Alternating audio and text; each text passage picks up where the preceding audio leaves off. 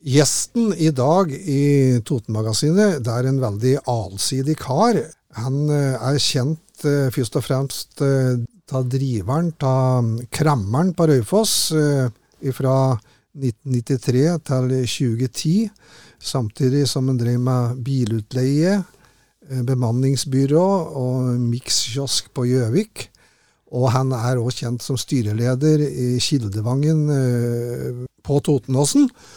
Og mm, Svein Bjørnar Amsrud, velkommen hit til studio. Tusen hjertelig takk. Ja, eh, i disse her, eh, gjesteprogrammene som vi har, da, så er det litt eh, for oss da, så bli litt kjent med deg, liksom. Og for at vi skal bli ordentlig kjent, så må vi liksom starte på, på begynnelsen. Ja, ja, ja. og du er i utgangspunktet en raufossing. Er det. Og mm, ja, hvis du nå eh, skal beskrive barndommen din, eh, hva har du å si da? Nei, Jeg hadde jo en eh, god barndom. Jeg vokste opp i, oppe i Grimaskauen på, på Raufoss. Ja.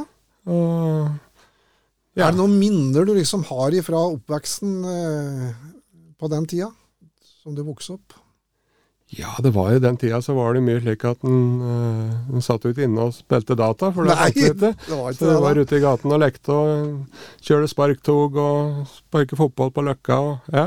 ja, dette med uh, idrett og aktivitet, uh, var du ivrig på f.eks. fotball? nei, det var veldig, veldig begrenset. Men jeg, jeg, begynte jo med svømming tidlig, da. Så det var liksom det som ble, ble greia mi.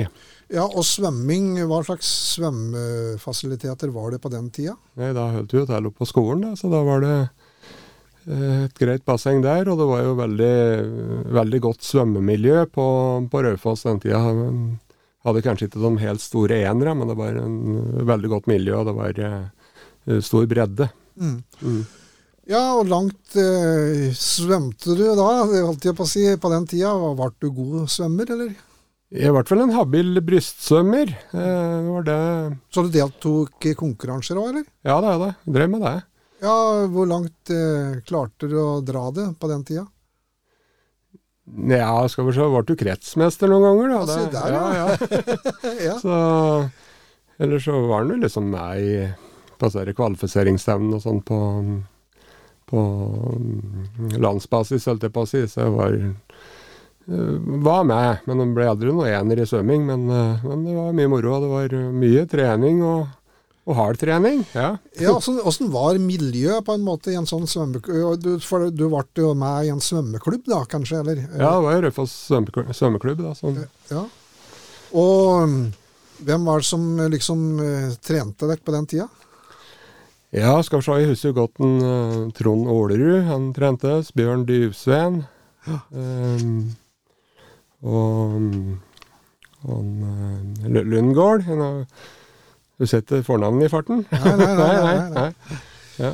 Men, eh, men, eh, dette tok en del av tida di da i ungdommen?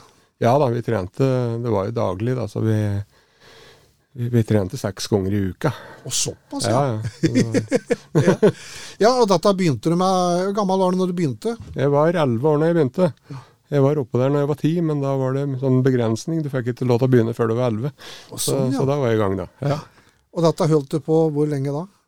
Eh, ja, det, det faser jo litt ut når en ble sånn 15-16 eh, år, og så var det vannpoloklubb, da, så da gikk det litt over i det etterpå. Ja, hadde med vann å gjøre, da. Hadde med vann å gjøre, ja, ja, ja. Bløtt eh, miljø. Bløtt miljø, det kan en si.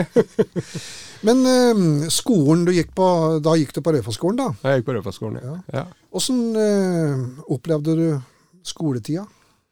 Jeg har stort sett gode minner fra, fra skolen. Det var uh, eh, mye lek og moro. og Jeg var kanskje ikke den, den som strevde mest, men eh, kom nå gjennom det. Ja, ja Gjorde du noe hyss?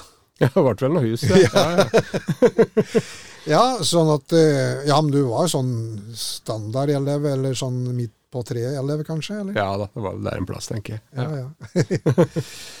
ja eh, etter skolen, da, så eh, Gikk du noe videregående på noen noe skoler? eller? Ja, det har vært uh, Lena videregående. Men eh, første året så hadde Lena videregående leid eh, plass på Raufoss ungdomsskole, så, så første året på, på videregående, det ble jo da på Raufoss, og så var det to år uh, fysisk ute på Lena etterpå, da. Mm, mm. Hva slags linje var det du gikk da, holdt jeg på å si? Samfunnsfaglig politisk gikk jeg. Politisk? Ja, det var noe som het det. Ja. Ja, ja, hva gikk det ut på? Nei, det var jo mye sånn uh, samfunnsrelatert. Uh, samfunnskunnskap og uh, historie, ideologier, den type ting. Mm. rettslære, altså sosialøkonomi og ja. Men altså, jeg tenker sånn politisk Var det en spesiell retning, eller var det sånn generelt på både høyre og venstre side? Ja, den var generell, ja. For du hadde ikke lov til å bære han ene sida, kanskje, på den tida? Nei, det var nok aldri noe tema. ja, Hvor nytte har du hatt av det seinere? Ja, det er ikke godt å si. Uh, det er noen som sier at uh, sånn ca. 80-90% av de tinga du lærer på, på, skolen og ikke bruker etterpå, det, det forsvinner. Det er vel ikke noe unntak der. Men en lærer jo å lære, da. Ja, ja. Så var jo russetida artig. Ja, ja, ja, ikke minst. Ja, russetida den er viktig, gjerne til deg, for ja, en ungdom. Den var viktig, vet du. Og, ja. Men da fant du vel på noe? Ja, han har gjort det hele tida, så det Ja. er det noe spesielt du husker på den uh, russefeiringa? Uh, burde sikkert ha husket litt mer. ja. ja. Uh, nei, jeg Men det gikk i tog og sånn 17. mai og sånn, eller? Ja da, ja, da gjorde det. Ja. Så, men jeg husker jo godt uh, Det var ikke russetida, men det var den tida han kjørte moped. Ja. Og da, da hadde jeg og en kompis da vi hadde fått tak i noen røykbomber fra krigen. Så vi festet på eksosanlegget. Så da kjørte vi jo Jeg gikk jo på videregående, da, men da tok vi en runde husker jeg, med med disse røykbombene eh, aktive, og kjørte rundt, eh, rundt ungdomsskolen, så vi røykla jo hele plassen der. Så det var jo et lite hyss. Ja, Og det fikk du vel noen reaksjoner på, kanskje? Jeg slapp ganske billig unna. Men det gjorde det. advarsler, ja, ja. Ingen kom til skade, da. Nei, nei, nei. nei. Nei, men eh, altså, tida her med, med russefeiring og slik, eh, sett i relasjon til dagens situasjon, så mm, kan du si at du er litt heldig da, som fikk lov til å utfolde deg og medelever på den tida, i forhold til det de gjør i dag? Ja, jeg tenker litt på dem. Det er, eh, kan jo si at det, er sikkert ikke det viktigste, og slik, men når når jeg sjøl skulle bli rus, så visste du åssen du gleder deg til det, og forberedelser, og det var, det var en stor og viktig ting, det. Mm. Så hadde nok, Hvis noen plutselig hadde sagt at vi avlyser uh, i år, så tror jeg ikke jeg hadde syntes det var noe greit. Nei, Vi føler med dem. Ja. Altså der var den skolen du hadde? Ja, så langt. Ja. Jeg videreutdanner meg mer i voksen alder. Ja. Ja. Men så ble det da militæret. Uh, hvor var det du tjenestegjorde der? Eh, da var jeg først på rekruttskolen oppe i, mm, oppe i Steinkjer. Og så var det videre til, eh, til Kirkenes. Ja. langt opp i nord. Langt opp i nord. Ja. Endte opp oppi der. Ja.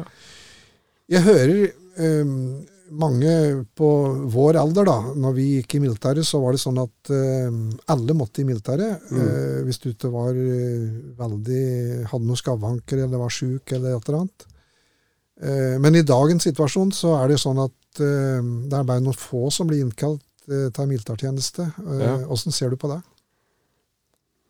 Det er vel litt på godt og vondt. Det, det tenker jeg at jeg for min del hadde vel ikke vært eh, militærtjenesten hvis jeg kunne få sluppet. Uh, men sånn i ettertid så er jeg glad for at jeg hadde det året. Ja. Men det er mange som sier det. Altså, mens ja. de er der, så er det holdt på å si, forferdelig. Lengter hjem igjen, og særlig når en er oppe i nord. Mm. Så, men i ettertid så, så vil en ikke være der foruten, på en måte. Nei, og så er det rart med det. Det er altså gode minnene husker, da. Eh, pokerkvelder på, på, brakka og alt dette der kameratslige, artige. Det er jo det jeg liksom husker når jeg tenker tilbake igjen på, på militærtjenesten. Glemmer jo at 90% av det var jo frysing og venting og køståing. Ja. Liksom, og lange utmarsjer. lange utmarsjer og gnagsår, ja. ja. Hvis vi skal uh, følge denne eh, linja videre nå etter militæret, hva, hva, hva, begynte du med da? Ja, eller fortsette med. For rett etter videregående så hadde jeg et år i, i, på, i stålverket. På, I fabrikken? I fabrikken, ja. ja. Åssen var det? Ja, det var en overgang der fra å gå på skolen. Jeg syns det var det, det var jo litt lengre dager og litt krevende, men det var jo en, det var en god arbeidsplass. Det var jo et, et fint miljø og mye humor og, og bra der òg. Det var litt møkkete deg?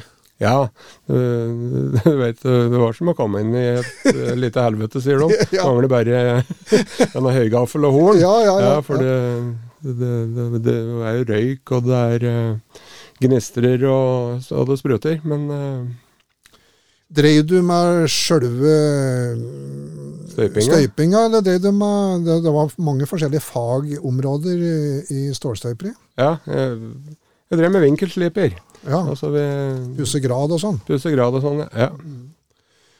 Ja, Hvor lenge varte det? Nei, altså Det varte et år da, før jeg dro ut i militæret, og så, og så ble det ei stund etterpå. Men da hadde det jo skjedd litt underveis da, mens jeg var i militæret. Litt mm. endringer. Så da, da, var jeg på ja, litt forskjellige plasser i, nede, nede i fabrikken. Men, eh, men, apropos, altså du begynte i stålverket før du var i militæret, og det uh, gjorde at du hadde litt lønn da, fra fabrikken mens du var i militæret? Ja da, og det var slik at Dette husker jeg jo. at du måtte totalt sett ta tre år. Ja. For at du hadde egentlig krav på en tredjedels lønn. Ja. Eh, men ettersom jeg bare hadde jobbet ett år, så fikk jeg en sjettedelslønn. Ja, du gjorde det. Ja, ja. Men hvis jeg kom meg til å jobbe minst et år til, da, da fikk jeg den siste sjettedelen utbetalt. Såpass, ja. ja så, så, jeg fikk med den, da. ja, ja. ja øh, videre derifra? Nei, da ble det Da, da begynte det å dra seg litt mer mot salg og markedsføring. Eh, så da var jeg inne i en periode der jeg prøvde litt forskjellig. Eh, jeg jobber bl.a. for Gilde som, som storhusholdningskonsulent. Og, og salgssjåfør for Henning Olsen i. Så. Ja. ja. Og så drev jeg med noen agenturer, da. Ja. Kjøtt og is og greier. Ja, og sjokolade. ja, sjokolade, ja. ja. Sånn, uh, hadde et uh, sånn personlig foretak da, som uh, hadde agentur for mindre sjokolade. Altså du startet eget, eget firma du da, egentlig? Ja, jeg gjorde jo det. Et sånn agenturfirma. Mm -hmm. ja hadde Oppland og Hedmark som distrikt, da, så hadde vi forskjellige produkter som vi gikk til storhusholdning i dagligvare med. Ja, For da uh, solgte du deg til forskjellige forretninger rundt omkring, da? Ja, ja. Og så var det jo via grossist det meste, da. Så det gikk liksom via Asko og uh, ja, den type systemer, da. Mm -mm. Ja, og etter dette der så, mm, så starter du opp på Meieritunet uh, med det som ble veldig kjent, som heter Krammeren. Ja, det... eh, fortell om oppstarten på det, og, og ideen bak eh, konseptet. Ja, altså Det var jo utlyst ledig lokale. Og jeg hadde jo tenkt litt på dette her når jeg drev og farte rundt, at, at, jeg hadde lyst til å starte butikk. Og da tok jeg jo kontakt, og det var ikke noe problem å få leid lokale. Nei. Men de hadde jo òg noen tips da, sånn, i forhold til leverandører som som, kunne, som kunne starte med. Og da var det jo den der, eh, det som heter Per Årskog. Det er jo de som eier og driver Nille-forretninga. Ja. Eh, som hadde liksom et sånn eh, sortiment som jeg tenkte mangler på Raufoss. da. Så, så, så begynte jeg bare med å handle fra én leverandør, og så ballet det på seg, da. Mm. Ja. For det som jeg husker, i hvert fall fra Kremmeren-tida, var liksom det konseptet med at du kan få kjøpe ting billig. Ja. Eh, altså à la ja, både Nille og, og Europris og, og etter hvert Jula osv. Ja. Um, var det liksom en bevisst uh, strategi? Ja, det ene tok det andre. Uh, det ble jo slik. Uh, starter jo med den uh, Isenkram-avdelingen, da, som liksom ligner på Nille. Ja. Og så, ja, så tenkte vi at nå mangler et godt utvalg med leker her på, på Raufoss, og så startet vi med det. og så ble det verdt det etter hvert, og så fant vi ut at det kan være å kombinere dette med en kioskavdeling. Og så ble det vin og øl og essenser og sånn bryggeriprodukter. Så eh, Panduro-avdeling ble det jo etter hvert, så, så måtte jo utvide. altså Flytte jo litt på meg og over gardstunet der, og, og fikk jo mye mer plass etter hvert. Ja. Eh, for det, det ble eh, det ble ganske mange ansatte til slutt, eller?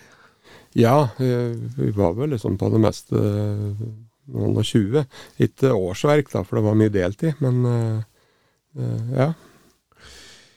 Men øh, den eh, kremmerbutikken altså du, Jeg sa innledningsvis at du starta altså i 1993 og holdt på da til øh, 2010. Og ja. ja. liksom på en måte Hva sitter du igjen med når du ser tilbake på den tida? Nei, veldig mange gode minner. Det var jo, det var jo spennende dette her, i og med at det var liksom den tida når det fremdeles kunne være kremmer, da. Nå er jo alt blitt så strømlinjeformet og kjedestyrt. Eh, så, så, ja, det var, eh, var, artig å bygge opp og drive. Så mange gode minner derfra. Hvis du ser på uh, alle disse kjedene som er i dag i forhold til kremmerkonseptet, så, så er det liksom litt Når du f.eks. skal prate om jula for eksempel, og biltema og alt dette her, så Så kunnskapen om varer og slik er ikke like bra eh, på disse kjedene som det er på der det er eh, altså eh, enkeltforetak, da, der, der du sjøl bestemmer. Nei, altså, jeg tenker jo at disse som har kommet opp nå, som du nevner, de, de de gjør jo veldig mye riktig. og Det er strømlinjeform, og det kan kanskje bli litt sånn kjedelig, for du finner det samme alle plasser, uansett hvor du reiser hen i, i, i, landet. Men uh, de har jo vært uh, dyktige i forhold til å sette ting i system, og har, uh, har nok mange gode fagfolk der, tenker jeg. Ja. Mm, mm, mm. Så det var litt mer sirkus når vi drev, da. Eh, og den eh, lekeavdelingen, det ble jo etter hvert eh, oppe i første etasjen, for å kalle det det, så hadde du forretning der, og så hadde du lekeavdeling nede. Var det sånn det var? Ja, det ble sånn når uh, kjelleren bort uh, flytte. Ja. Så, så, ble det jo ledig der, og da, ja, da tok jeg nå et, eh, et, valg da i forhold til å prøve å uh, utvide. Jeg visste jo uh, da at det var et kjøpesenter på gang, og tenkte jeg skulle prøve å svare litt, eller komme litt i for, forkjøpet, men det ble tøft, den. Ja, ja, ja.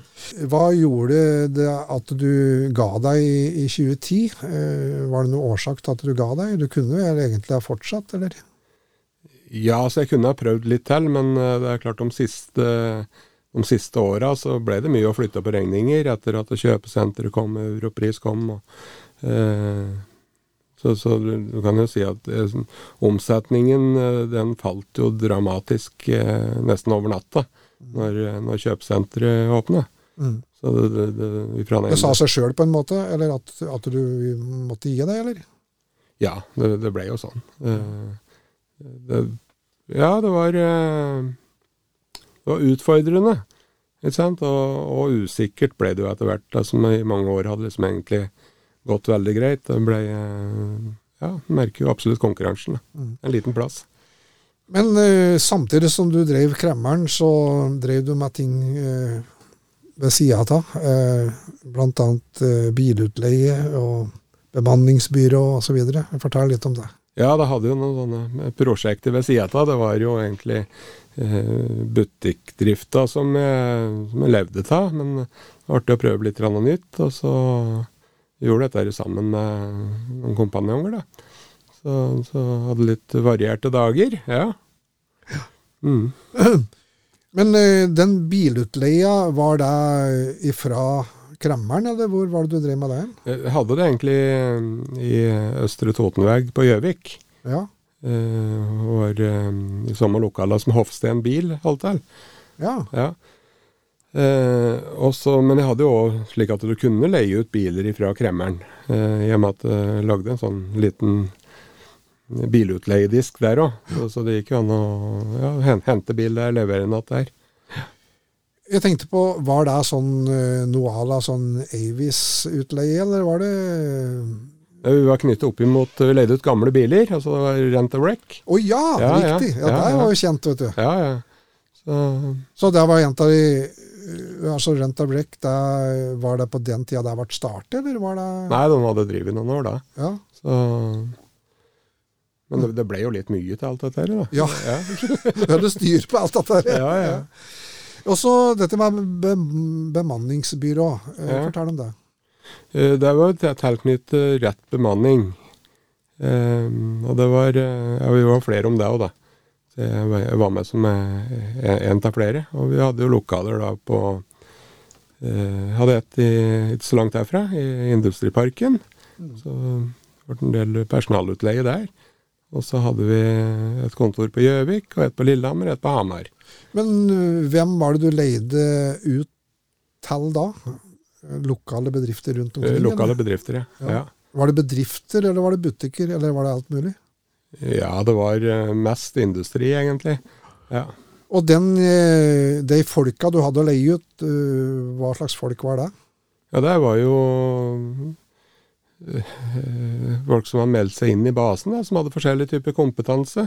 Så det var egentlig bare sånn mellomledd. Mm, mm. Av og til så var det liksom ifra ja, Vi hadde et produkthushet som heter 'Ifra vikar ta fast'. ikke sant? Ja, ja. Der, der, du liksom fikk, fikk prøvd det litt og vist fram hva du var god for, og så fikk du ofte tilbud om en fast stilling etterpå. da. Mm. Og da gikk du på en måte vekk fra bemanningsbyrå inn i indirekte av bedriften. Andre ganger så var det rett og slett å, å skaffe vikarer. da, kriseløsning, masse sykemeldinger eller et eller annet, så ringer de og sier har du, har du noen folk? Og da, da var det bare å kaste det på telefonen og prøve å ordne det. Så egentlig så var det en veldig samfunnsnyttig eh, sak da, å drive med dette der? Ja, det er jo behov for uh, mellomledd i enkelte, enkelte, saker. Så er det litt sånn om, omdiskutert, da, vet du, i, i forhold til uh, om, om, det da er med å hindre fast ansettelse. Men uh, mitt inntrykk er nå at de de fleste som, eh, som, som, ønsker fast stilling, de kommer jo over i det etter hvert. Mm, mm. Mm. For det er jo ofte litt likt da, at uh, folk må få sjansen til å, få prøvd seg. Ja, ikke sant. Og det er nok mange som fikk prøvd seg, som kanskje ikke hadde fått sjansen ellers. Nei, nei, nei. Ja. Hvis de var gode for. Ja.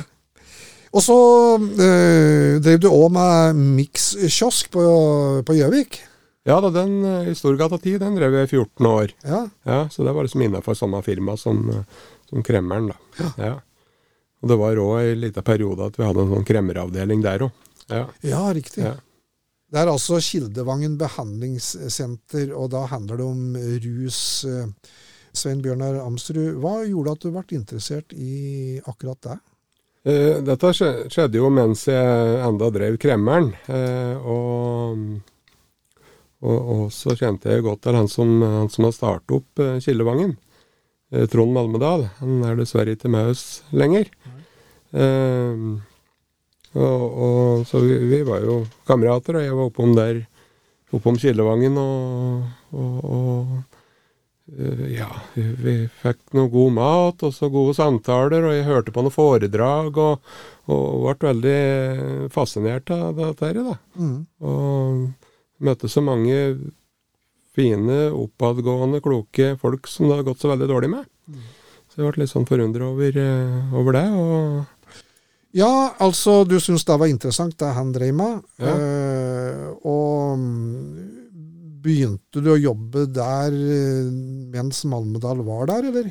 Ja, altså jeg var med og hjertet til litt i miljøet. Ja. Og i tillegg så startet jeg en sånn uh, rusterapeututdannelse i Sverige. Ja. Som var basert på helgesamlinger og så liksom jeg, da både jobba og gikk på skolen samtidig, da. Hvis du sier altså uttrykket rusterapeut, uh, hva gjør den for noe, holdt jeg på å si? Uh, ja, altså skal jo hjelpe folk uh, med rusproblematikk, da. Og på Kildevangen så er det jo uh, i all Ja, det er, det er, absolutt mest folk med alkoholproblemer. Det er jo det vi har spesialisert oss litt på, da. Mm. Ehm, når en behandler en som på en måte er rusavhengig, hvor er den begynner en da?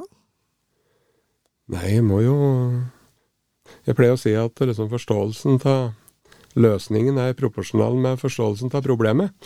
Så, ja, det er kanskje ja, ikke alle som forstår ja. at en har et rusproblem i utgangspunktet, kanskje? Nei, det er jo gjerne der en begynner, da. ikke sant. Eh, veldig ofte så er det jo eh, benektelse.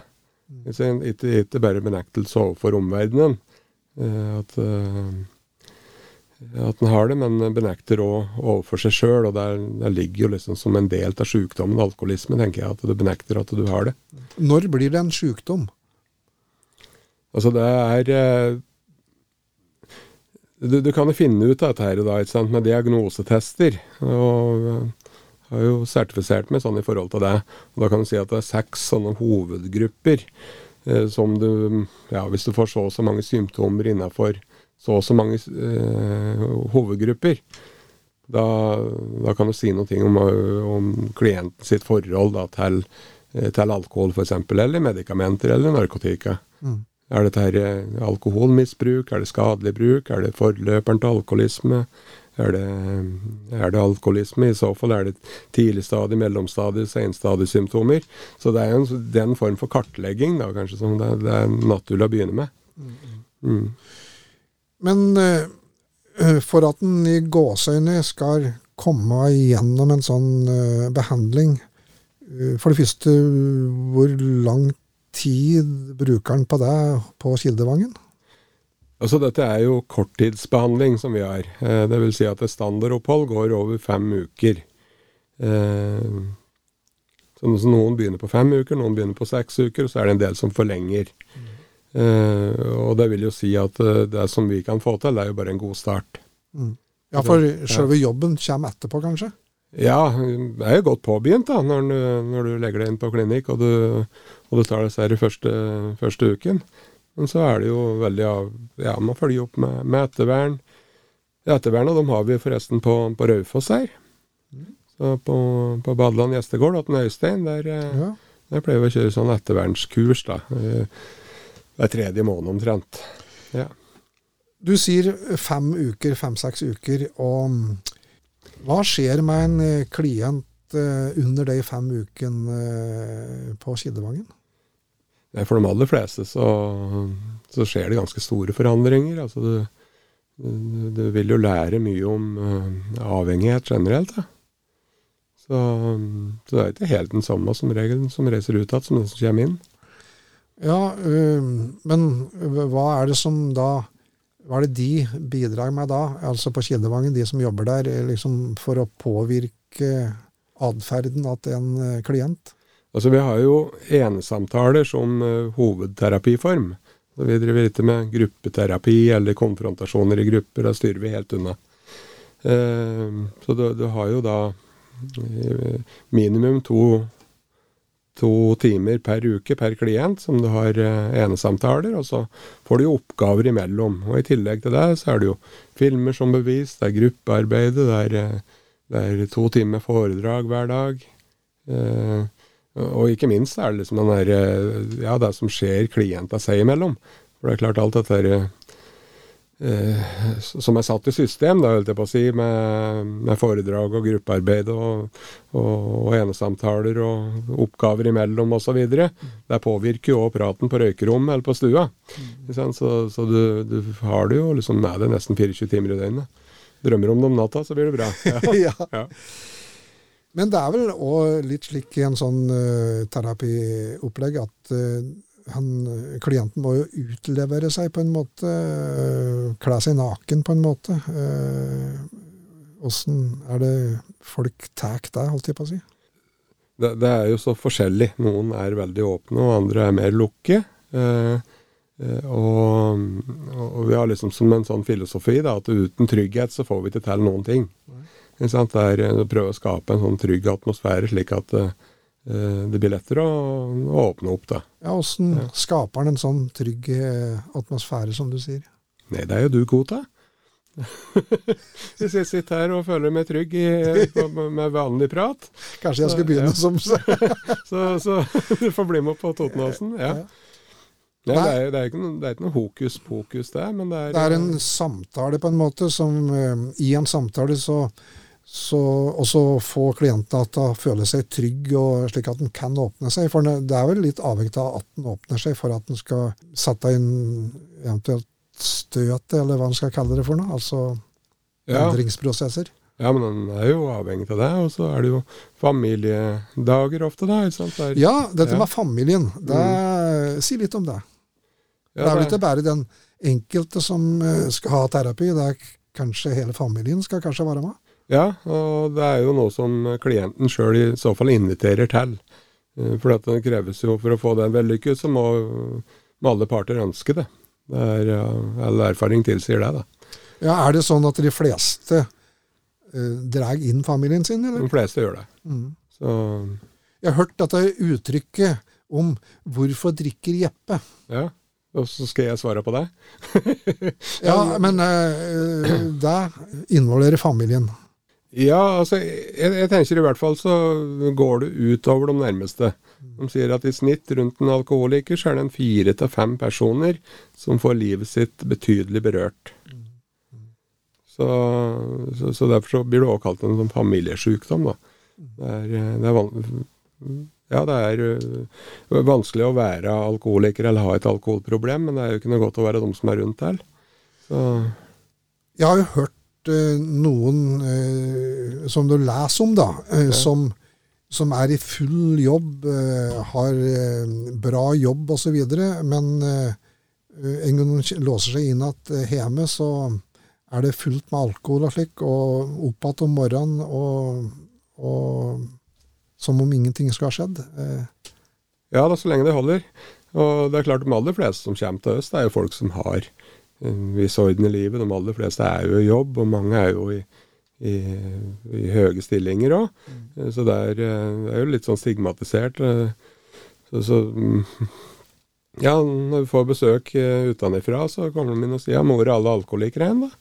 Ja, ja, ja. Det synes jo ikke slik sett på de fleste. Mm. Ja, Men, men uh, Svein Bjørnar Amsrud, uh, dette med å jobbe med uh, sånne klienter, åssen er det egentlig? Det er, blir det en livsstil, eller?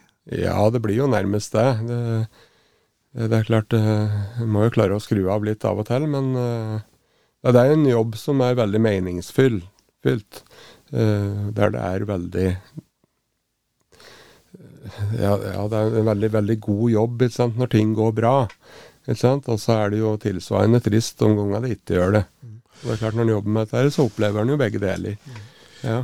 Uh, hvis du skulle sette noe, noe tall på dem det går bra med, uh, kontra dem det ikke går så bra med, uh, hva har du å si da om dem som er klienter på Kildevangen?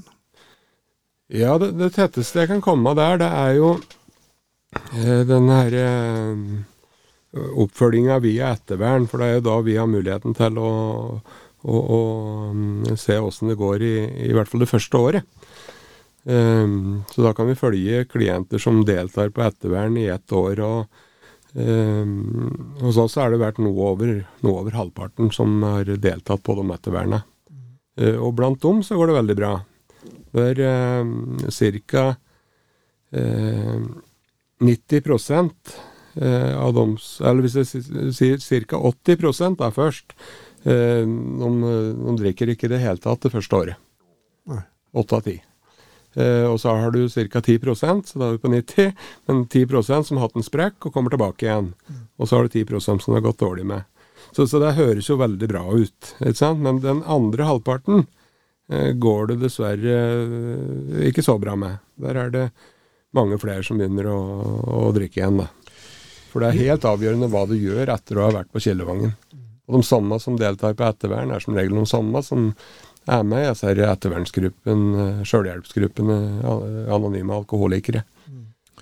Ja, det er en organisasjon, har jeg hørt om. Ja. Som, som, eh, det er en slags erkjennelse av at en har et, et, et, Eller har hatt et problem, eller fortsatt har et problem. Eller? Ja.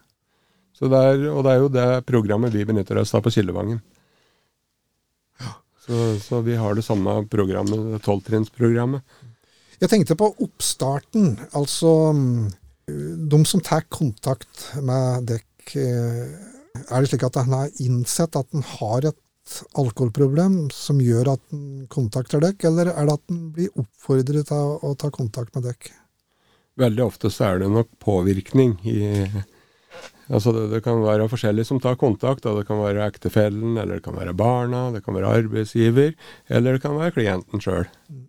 Eh, som regel når klienten sjøl tar kontakt, så har han, eh, han, han jo i de aller, aller fleste tilfeller erkjent at han har et problem som han ikke klarer å komme ut av sjøl. Så er det andre som føler at de blir sendt av Kildevangen, da. Ikke sant? Ja, og... Men er de da like motivert, eh, altså de som blir sendt, er de like motivert som de som tar kontakt direkte sjøl?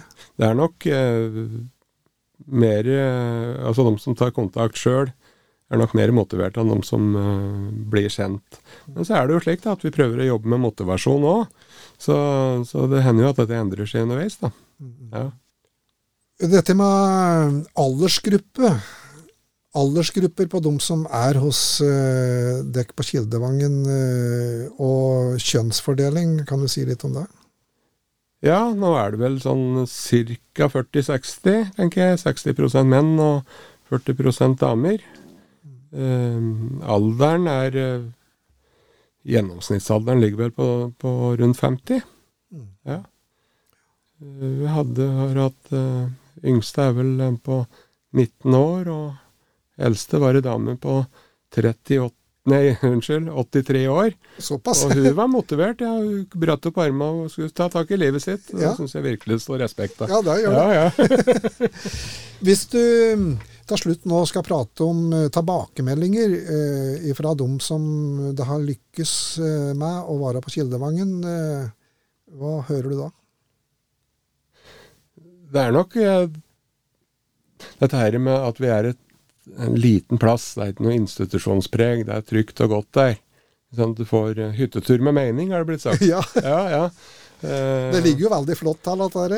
Ja da, det gjør jo det. Så det var jo Inger Lise Rypdal som, uh, og Terje Rypdal som bygde det i sin tid. da. Så, ja. så, har det blitt bygd på seinere, sånn at det ble det det er nå. Men der er det liksom Ja, det er villmarkspanel og, og peis og, og flotte naturskjønne omgivelser, så det er, det er lett å trives utpå der. Ja, og de tilbakemeldingene du får eh, for de som har lykkes, det er eh, nettopp den plassen og ikke minst de, den hjelpa de har fått fra dekk, da, antageligvis. Ja da, og det med trygghet, det går igjen hele veien. Så at de kunne få plass på dagen. Da sier tusen takk til deg, Svein Bjørnar Amsrud, for at du ville være med her i Totenmagasinet. Og så får vi på Radio Toten ønske deg og alle klienter og alle ansatte på Kildevangen lykke til videre. Tusen takk, og tusen takk for at jeg fikk komme.